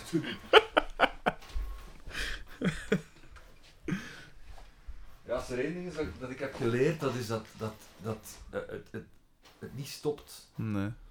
Eh, dit is een ongoing process. Je, je ontdekt één ding en via dat ene ding ontdekt je nog iets en nog iets en nog iets en nog iets. Mm. En voordat je het weet zit je met zoveel echt geweldige muziek. eh, Nee. Met dat ik nu met die, met die eh, deep drone muziek wat bezig ben, eh, ben ik zo ook een beetje op die gespecialiseerde labels aan het kijken. Daar ken ik geen enkele naam en zult jij er ook geen enkele Nee. kennen. Maar dan begint dus wat dieper daarin te, te delven en dan merk je toch dat daar heel boeiende muziek tussen Nee. zit. Ehm, Dat blokkeert mij ook wel een beetje als, eh, als muzikant, moet ik zeggen. Ja, absoluut. Ik, heb, ik heb eigenlijk dat probleem ook dat ik zodanig veel zaken echt goed vind. Er zijn weinig zaken die, die ik slecht vind. Ja. Van sommige zaken denk ik van, dit is mijn ding niet. Mm.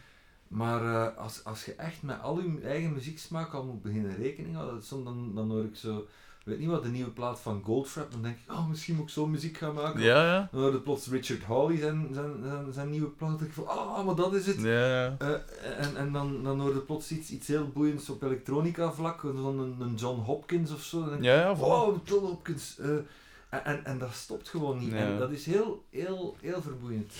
Heel Ik ken het. Ik, heb echt, ik ben al jaren aan het zoeken naar zo de, de juiste muzikant en de juiste... Allee, ik wil dan iets speciaal doen. Ik, ik denk dat wat kom... Allee, er is al zoveel van alles en... en, en allee, ik kom dan uit de punkrock voornamelijk, maar ik wou dan... Ja, ik, ik hoor bijvoorbeeld ook heel graag Radiohead, maar ja, begint die twee maar dus zo wat te vermengen. Maar dat is, dat is het probleem, hè. Ja. Kijk, eh, En zelfs dat is dan al gedaan. ik ben ook groot geworden met van die, met van die ja, hardcore en, en, en, en punk en zo. Een van mijn favoriete roepen in de tijd was Cop Shoot Cop. Ik vond dat geweldig. Ook omdat daar, omdat dat- die die hadden een heel punky attitude, maar die hadden ook wel, eh, een piano mee. Dus dat was voor mij al een reden eh, om te zeggen van, oh, eh, Dat dat, kan, dat- ja. Maar ik zit al jarenlang te zoeken naar iets, iets gelijk zo'n No Means No, maar dan Hmm. zonder gitaren. Dat lijkt mij enorm boeiend. En dan de piano's die dan die, die, die riffs spelen, of iets Ja. gelijk, gelijk Primus of Victims Family, of dat soort spullen, maar dan zonder, zonder gitaren. Dus dat is ook nog iets dat op mijn to-do-lijstje staat. Ja, Eh, ja, kijk, ehm, je kunt niet alles, eh, niet alles doen. Hè. En nationaal gezien, met wie zou je op nationaal vlak heel graag nog eens, eens samenwerken? Of iemand dat de, de Great White Whale, zo gezegd, dat je nog moet, eh, dat je nog wil vastkrijgen. Dat kan misschien heel arrogant klinken, maar ik denk dat ik bijna met iedereen al gewerkt heb. Dat klinkt arrogant. Ja, nee, het is echt. eh, ja, ik, ik kan er weinig noemen. Ah, kijk, ja, goed. Het zou mij interessant lijken. Ik heb wel al een paar keer gespeeld met, met, met, met Tom Baardmans op gelegenheden, Mhm. zo poppeltoestanden en zo. Maar ik denk wel dat dat een vermoeiende persoon is om mee te werken, maar ik denk wel dat dat heel, heel, eh, dat is een heel talentvolle gast. Ja. En iemand waar ik enorm veel bewondering voor heb, eh wat ik vind dat hij ook nog maar een fractie van zijn potentieel gebruikt, onwaarschijnlijk getalenteerd. Nu, ik heb er al veel mee gewerkt, ik heb er al een tournee mee gedaan. Dat is Johannes van de Vengeance. Daar, Ja. daar heb ik echt een onwaarschijnlijke bewondering voor. Die heeft eh, eh, zo de capaciteit om, om heel catchy dingen eh, te verneuken en heel verneukte dingen catchy te maken. En dat, is, dat, dat moet je kunnen. Ja. Oh, dat is niet erg, hè. Dat is EM nodig.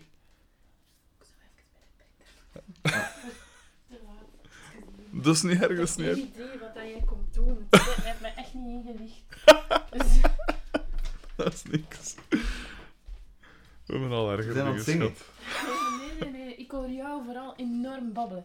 Ik vond dat jij nog een beetje... Allee. Ga dat nog? Moet ik een glaasje water brengen? Hoort mij babbelen. Ja. Steek het tegen. Nee, nee, absoluut niet. Ik ga dat allemaal aan het vertellen. Het gaat allemaal over jou. Ja, ja. Ja. Dag. De Max. Eh, ja, waar waren we? Ah ja, Johannes Verschaven. Ah ja, maar ja dat, dat vind ik echt een, eh, een heel getalenteerde gast. Ik, ik, vind, ik vind Daan ook onwaarschijnlijk getalenteerd. Hm. Eh, nu, ik heb er een paar keer mee gewerkt. So- soms in periodes dat er niet 100%, eh 100% eh, hoe zou ik zeggen, eh 100% in vorm was. Dus, maar ik vind wel dat die gast heel, heel knappe, knappe dingen doet. Hm. Nu ja, ik zeg, dat zijn allemaal gasten met wie dat ik al het genoegen gehad heb om, om, om ermee samen, samen te werken. Hm. Ehm, pff, ja, is eigenlijk iemand dat, ik- dat ik niet ken, eh, waarvan dat, die ook totaal niet mijn soort muziek maakt, maar waarvan ik wel denk dat het boeiend zou zijn om daarmee eens iets samen te doen, dat is zo- zo'n Netsky. Ja. Ja, en Stromae uiteraard. Ja. Eh, Ze hebben mij ooit gevraagd, oh, dat is eigenlijk heel gênant dat ik dat Hm? moet bekennen, Eh, maar ze hebben mij, ik zat toen juist met, met Arid, was ik juist op tour. En toen hebben ze mij gevraagd, Allo Rondance was net uit, dat was een, een, een, redelijk grote hit aan het worden. Ja. En ze hebben mij toen gevraagd om MD te worden van Stromae zijn, zijn band. Ja. En ehm, ik zat met een aantal producties die eraan zaten te komen. En eh, ehm, had dan ook nog mijn, mijn commitment naar Arid. Hm. En was er bovendien van overtuigd dat dat een one-hit wonder was. dus ik heb dat toen, eh, ik heb dat toen nee tegen gezegd. Eh, en dat was misschien wel een foutje. Alhoewel, eh, ik moet eerlijk zeggen, ik vind hem als persoon geweldig. Ik vind zijn concept geweldig. Ik vind Mm. de manier waarop hij met muziek omgaat en het totale concept Hm. doet, vind ik ook geweldig. Maar ik moet nu wel zeggen dat ik niet helemaal... Muziek zelf. De muziek ben, ben dus, dit is gewoon niet mijn ding. Ik Hmm. weet ook niet of dat ik daar mijn ei had in kunnen leggen. Ja. Maar goed, af en toe miste zo zijn kans. maar ja, ik, ik heb, ik heb in, in, in Duitsland nu een jaar of twee geleden, eh er was ook eens iets nieuws, eh, muziek geschreven van een, een hip-hopper. Cool. Een Duitse hip-hopper dan nog, maar zo van het, het goede soort, gaat daar heel Ja, slecht ja. in. ook. Absoluut. Eh, een, gast die eigenlijk zware fan is van de Beatles en van Arcade Fire, maar die dan toevallig in de hip-hop zit. Fantastische teksten En wie, wie was dat dan? Prins P Dat zegt mij iets. heet die. Prins. Die maakt zo om het andere jaar maakt die een naam eh, maakt hij een plaat onder de naam Prins P en dan Prins Porno. Dan maakt hij Prins- Dus hij heeft zo twee Twee alter Eh, en, eh, en met Prins P hebben we toch eh, een paar weken lang op nummer 1 in de Duitse charts gestaan. Mooi. Dat was er echt een, een, een, een, een held. En dat was eigenlijk ook een heel plezante samenwerking. Ook omdat hij gewoon op een totaal andere manier met muziek bezig is. Hoe, hoe dan? Allee. Ja, eh, totaal- ik, ik, ben een songmens hè, en Ja. een groovemens. En hij is een tekstmens. En al die Ja. rest, dat, dat, dat speelt eigenlijk niet zo verschrikkelijk veel rol. Mooi. Ehm, en dat is heel raar gekomen, ook die samenwerking. Dat kwam via een uitgever, Strictly, Strictly Confidential, een van de grotere uitgevers in, in België. Hm. Eh, die hadden zo'n pitch doorgestuurd. Er was niemand die daarin geïnteresseerd was. Maar aangezien dat ik wat uitspreek, dacht ik van, weet je, kunnen we eens proberen. Voilà. Twee weken later zat ik op een, vlieger naar, naar Berlijn. en, en ja, echt, echt heel leuke, heel aangename blik. Ook persoonlijk heel goed te klikken met die gast. Heel leuke samenwerking in Berlijn gehad. Hm. En die plaat komt uit en die heeft, dat, dat is een, was een gigantisch succes in Duitsland. Mooi. Hier kwam een, een Duits nichtje van Paulien, toen we de plaat van Paulien Matthus aan het opnemen waren. En die zag zo eh, de plaat van Prins P staan. En die zei, oh Prins P, kent jij die? Ik zeg, ja, die plaat is hier voor een groot stuk. Ja, hij was hier nog verleden week. Die werd zot gewoon, die werd echt gek. Hij heeft daar gezeten, die heeft een foto genomen van die stoel. Echt, ik zweer het. Ja. Ja, ik kan het me moeilijk voorstellen. We zijn dan een paar concerten geweest in Duitsland, in Keulen ben ik geweest. Dat was echt zo 2.000, 3.000 man die allemaal ritmisch op en neer staan te springen op een nummertje dat jij dan geschreven hebt. Dat was wel, dat was wel, Dat is wel cool. dat had wel iets. hè. En is er nu iets van, eh, van al die dingen dat je al gedaan hebt, zowel qua songschrijven, qua produceren, qua bij groepen spelen, waar je eigenlijk het meest fier op bent, voor, jezelf dan? Goh, ik kan dat moeilijk zeggen. Ik denk dat dat een beetje varieert. Hm. Ehm, ja, het varieert. Eh, eh, ik heb vrij veel sessies gedaan de laatste tijd. Hm. En, en als die plaatjes dan uitkomen en dat blijkt dan goed te werken, ook al heb ik daar maar een heel kleine verdiensten aan, Hm. dan ben ik daar op een bepaalde manier wel, wel heel fier op. Meestal zijn dat de laatste dingen wat dat je gedaan hebt. Zo- Hm. zo Die plaat van Marco Z heb ik wat toetsen gespeeld. Ik heb die plaat nu binnengekregen en ik vind die eigenlijk heel sterk. Daar heb ik weinig verdiensten aan, want hij heeft die nummers geschreven en hij heeft het geproduced. Ja. Maar toch op een bepaalde manier, zo dat kleine, die kleine, dat kleine sausje dat je daarover gesmeten hebt, zo, dat, dat, dat doet mij deugd dat dat daarop staat. Douglas First, juist hetzelfde. Ehm, ja, ik ben heel content van, van een van mijn laatste producties, dat is, dat is die plaat van Yevgeny. En met Sean Dont eh, heb ik manoeuvres gedaan. ja, ja. En wat, dat, wat ik daar heel content mee ben, is omdat Sean, die komt uiteraard uit de... Hij komt niet uit de media, hij komt van, van Nailpin en zo, maar dan Hmm. later is hij voor de media beginnen werken. En eh, hij heeft een beetje bij de... Ik hou niet van dat, van dat hokjesdenken, maar bij de serieuze muziekliefhebber heeft hij een beetje afgedaan. Omdat Ja. hij in zijn zwembroek in een zwembad springt en dat soort spullen. Maar dat is Voor mij mag die dat absoluut hè. Maar die is zo getalenteerd en ik vind het jammer dat je dan daarop wordt afgerekend. Hmm. Wat dat het leuke is, is dat we heel lang gezocht hebben naar een, naar een insteek om, om, om, eh, om die plaat vorm te geven. We hebben denk ik een jaar gezocht naar een, een lijn, Hm. want zijn songs waren eerder poppy. En, en als je dat heel poppy arrangeert, ja, dan heb je iets dat niet, niet speciaal genoeg is of er niet genoeg Ja. uitsteekt. En dat heeft opgeleverd, want, want van die eerste serie nummers is de eerste single goed gedraaid geweest. Wel niet op Stubru, maar nu de laatste single komt nu uit en hij wordt zowaar op Studio Brussel gedraaid. Ja. En goed gedraaid. En, en ik krijg dan zo sms'jes van, van collega's of van, van kennissen die zeggen van "Ai, die single van Maneuvers, dat klinkt tof. En dat doet mij enorm veel deugd. Hm. Eh, vooral omdat we er zoveel tijd in gestoken hebben. En omdat we het eigenlijk bijna met ons tweeën samen gemaakt hebben. Ja. Dus hij heeft, hij heeft alle drums en alle toetsen ingespeeld. Dan Geoffrey Burton heeft wat gitaar gespeeld. Simon Kazier weer al op, op bas. Dat doet mij heel veel deugd, dat zoiets Hmm. dan werkt. Ehm, omgekeerd, ik ben soms heel tevreden van iets.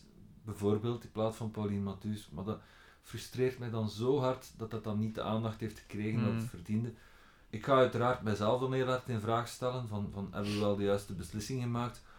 Maar ik kan dan ook de entourage ook in vraag beginnen stellen hè, en de artiest zelf. Dus, dus, maar dat frustreert mij dan. Dat laat zo'n beetje een wrang gevoel na, omdat ik daar zo tevreden van was nadien. Dus Mm. in principe ben ik daar ook nog altijd heel tevreden over. Maar in plaats van de mens ben ik ook heel tevreden. Eigenlijk ben ik over alles tevreden. Eigenlijk ben ik tevreden.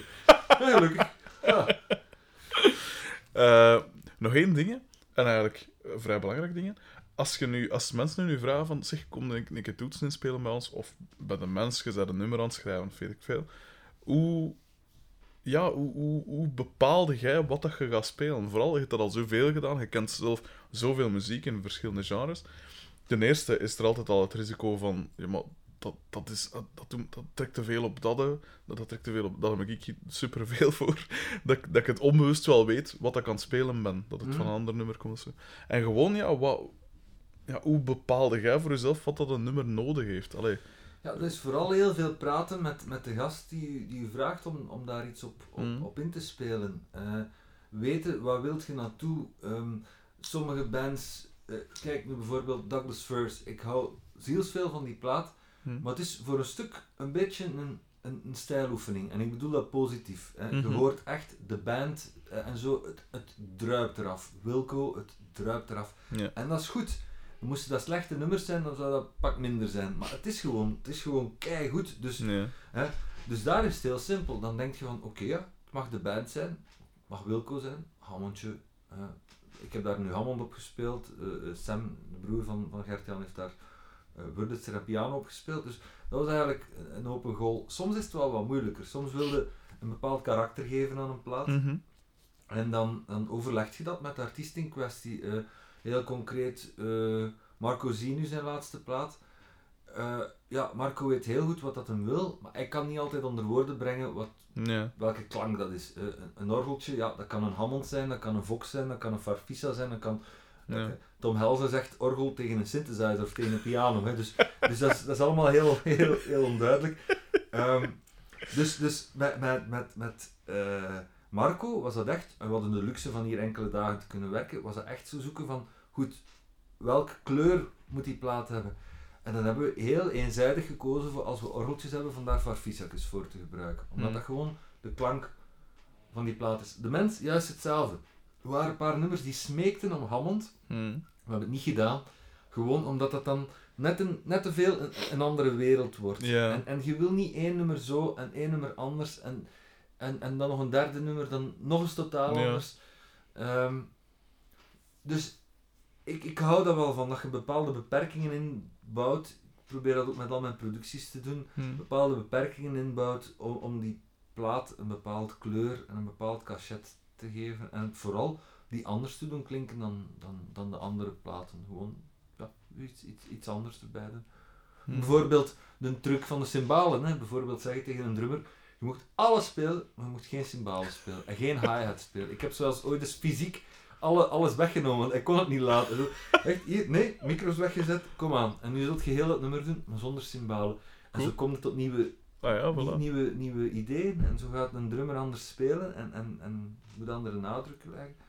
Ja. Het is geestig dat je het zegt, want ik heb ook een nummer geschreven waar er inderdaad niks van cymbalen in zit. Ah ja, voilà. En ik, ik, ik zeg dan inderdaad ook tegen, tegen een drummer van ja, doe, allee, het is maar een schets, maar geen cymbalen. Het is Ja, voilà. heel toevallig dat je het zegt. Ja, Peace Gabriel heeft een hele plaat gemaakt zonder hè. Mm. Derde of die vierde soloplaat. Eh, de slotvraag nog, want ik ga u allee, zo wel eh, belangrijker dingen te doen hebben. Nee, ik vind het is een babbelke. Ehm, de. ehm, ja, nu ben ik ze kwijt. Ehm miljard, ik ben ze echt kwijt. Wacht, ze. Ah ja, ja, dat was het, ja. Excuseer me. De, de, zijn er platen of artiesten, of. eh, ja, noem maar op, dat, dat we. We, de, de veertien mensen dat hier naar luisteren, ehm, dat we moeten leren kennen. Dingen dat jij zegt, dat is ongelooflijk straf check die plaat of die een artiest of of was een Ik geloof favoriet artiest? Dat, dat of- verandert altijd. Ik, wacht eens, als ik mijn lijstje hier heb, waar is mijn telefoon? Ja, ik, nu ik, ik schrijf regelmatig zaken op, maar bij mij verandert het altijd. Ik heb zo natuurlijk een paar klassiekers dat ik zo regelmatig eens beluister. Eh, Hmm. goh, dat, dat verandert altijd. Moment, wil ik mijn lijstje pakken. hè. Eh, Dat is niet erg. Ja, kijk, bij mij is dat heel... eh, helemaal in fases. Ik zit nu, ook omdat ik mijn elektronische plaat aan het voorbereiden ben en, en heel veel inspiratie aan het sprokkelen ben, eh, zit ik nu heel veel naar elektronische muziek te luisteren. Hm. Ehm, ik, ik ben heel enthousiast over die eh, late night eh, Late Night. Tales, ja. Late night tales. Er zijn er een paar dat ik waanzinnig vind. Die van Air vind ik fenomenaal. Ja. John Hopkins zit er ook een van, hè? John Hopkins, die, ik, vond, die- ik vond die een beetje muzakkerig, Ja. eerlijk gezegd. Ik vond ze ook wel wat Ik vind- ze wat tegenvallen. Maar die van Turin Breaks vond ik heel tof. Ehm, ja, ik, ik, vind dat concept heel tof. Omdat Ja. je zo nummers... En Air is daar heel ver en heel goed heel ver in gegaan. Er zit zo'n amalgaam aan... aan je ziet decennia lang aan muziek voorbij komen die je Nee. eigenlijk niet zo goed kent. Er stond filmmuziek tussen. eh, dat, dat vind ik echt, echt een aanrader, die Late Night Tales. Ehm, Ja. Maar dan... ehm, Eh. Goh. Ja, veel, veel elektronische muziek. Ik, ik, ik hou heel hard van, van apparaat. Ja. Eh, mode selector, moderaat dan, de combinatie van de twee. Ehm, Dat is inderdaad allemaal... ik, ik heb nu onlangs, ik hoop dat hij het hoort, want ik ben er heel hard door geïnspireerd geweest. Eh, Arne van Petegem van Styrofoam, die heeft, eh, die heeft een, een, ehm, een aantal Spotify playlists. Hm. En één daarvan is experimentele elektronische muziek. En ik kende al veel zaken die erin stonden, maar ik heb een aantal nieuwe zaken leren, leren kennen die, die ik echt wel, echt wel de moeite vind. Dus eh, aan alle geïnteresseerden, dus u, u 14 eh, luisteraars dan, eh, wil ik echt wel aanbevelen om eens naar die, eh, naar die, eh, naar die elektronische muziek, die experimentele muziek van, van, van, van ehm, eh, Styrofoam en van alleen Arne. Arne te luisteren. Hmm. Ja, ja, dat, dat verandert. Dat verandert. Hmm. Ik, ik, ik, kwam, ik zat onlangs in de radio en een artiest met wie dat ik eigenlijk nooit veel affiniteit heb gehad, eh, kwam voorbij, namelijk Van Morrison. Ik heb daar wel een aantal platen van, eh, zo Astro Weeks en, en Moondance. Hm. Dat zijn klassiekers. Maar ik hoorde zo wat recenter, ik denk zelfs van een heel van een nieuwe plaat van hem, hoorde ik wat passeren en dacht van, fuck dat is goed. fuck dat is goed, dan moet ik dat uitchecken. En dan, gelukkig, ja, Spotify, ik ben een, een, een intensief gebruiker. Ik koop nog altijd heel veel platen, maar ik ben ook een intensief gebruiker van Spotify. Hm. Dus, dus dan ga je naar Spotify, dan checkte dat uit. Dan merkte dat de rest van die platen eigenlijk op, op niet, niet veel gelijk, maar ja, Ja. ja, ehm, het is een beetje het probleem ook van, van deze tijd, hè, dat je alles wat gefragmenteerder beluistert. Hmm. Eh, eh, vroeger, eh, toen ik studeerde, ging ik dan die ene plaat van, van ik weet niet wat, Bad Religion of zo gaan halen. Oh, en dan luisterde je daar eh, een week naar, omdat je maar die ene plaat kon Ja. kopen. eh, en je spaarde je dan je centen voor de volgende week. En, en dan kende je die door en door en door en door en door. Hm. En dat is nu natuurlijk anders, gewoon omdat er ook zoveel goede zaken zijn. Nee. Maar goed, die Late Night Tales, ze zijn niet allemaal even goed. Zo even ook die van Groove Armada beluisterd, dat was een ramp. Oei. Eh, ja. Oké. Ja. Oké, ja, dat is goed. dat uw vraag wel beantwoord. Nee, ja, perfect. Eh, wel, dan zou ik u eh, nog eens enorm willen bedanken dat ik hier mocht eh, Graag gedaan. vertoeven in uw schrijn van... pff, ik ben... Gewoon als ik rondkijk, word ik al draailoos. Gewoon van, Ja. van al die coole dingen. Ja. Alle cool grief. En ze werken ook allemaal. Dat is handig. ja, je, kunt zo, je kunt zo duizend synthesizers hebben die, die niet marcheren. Nee.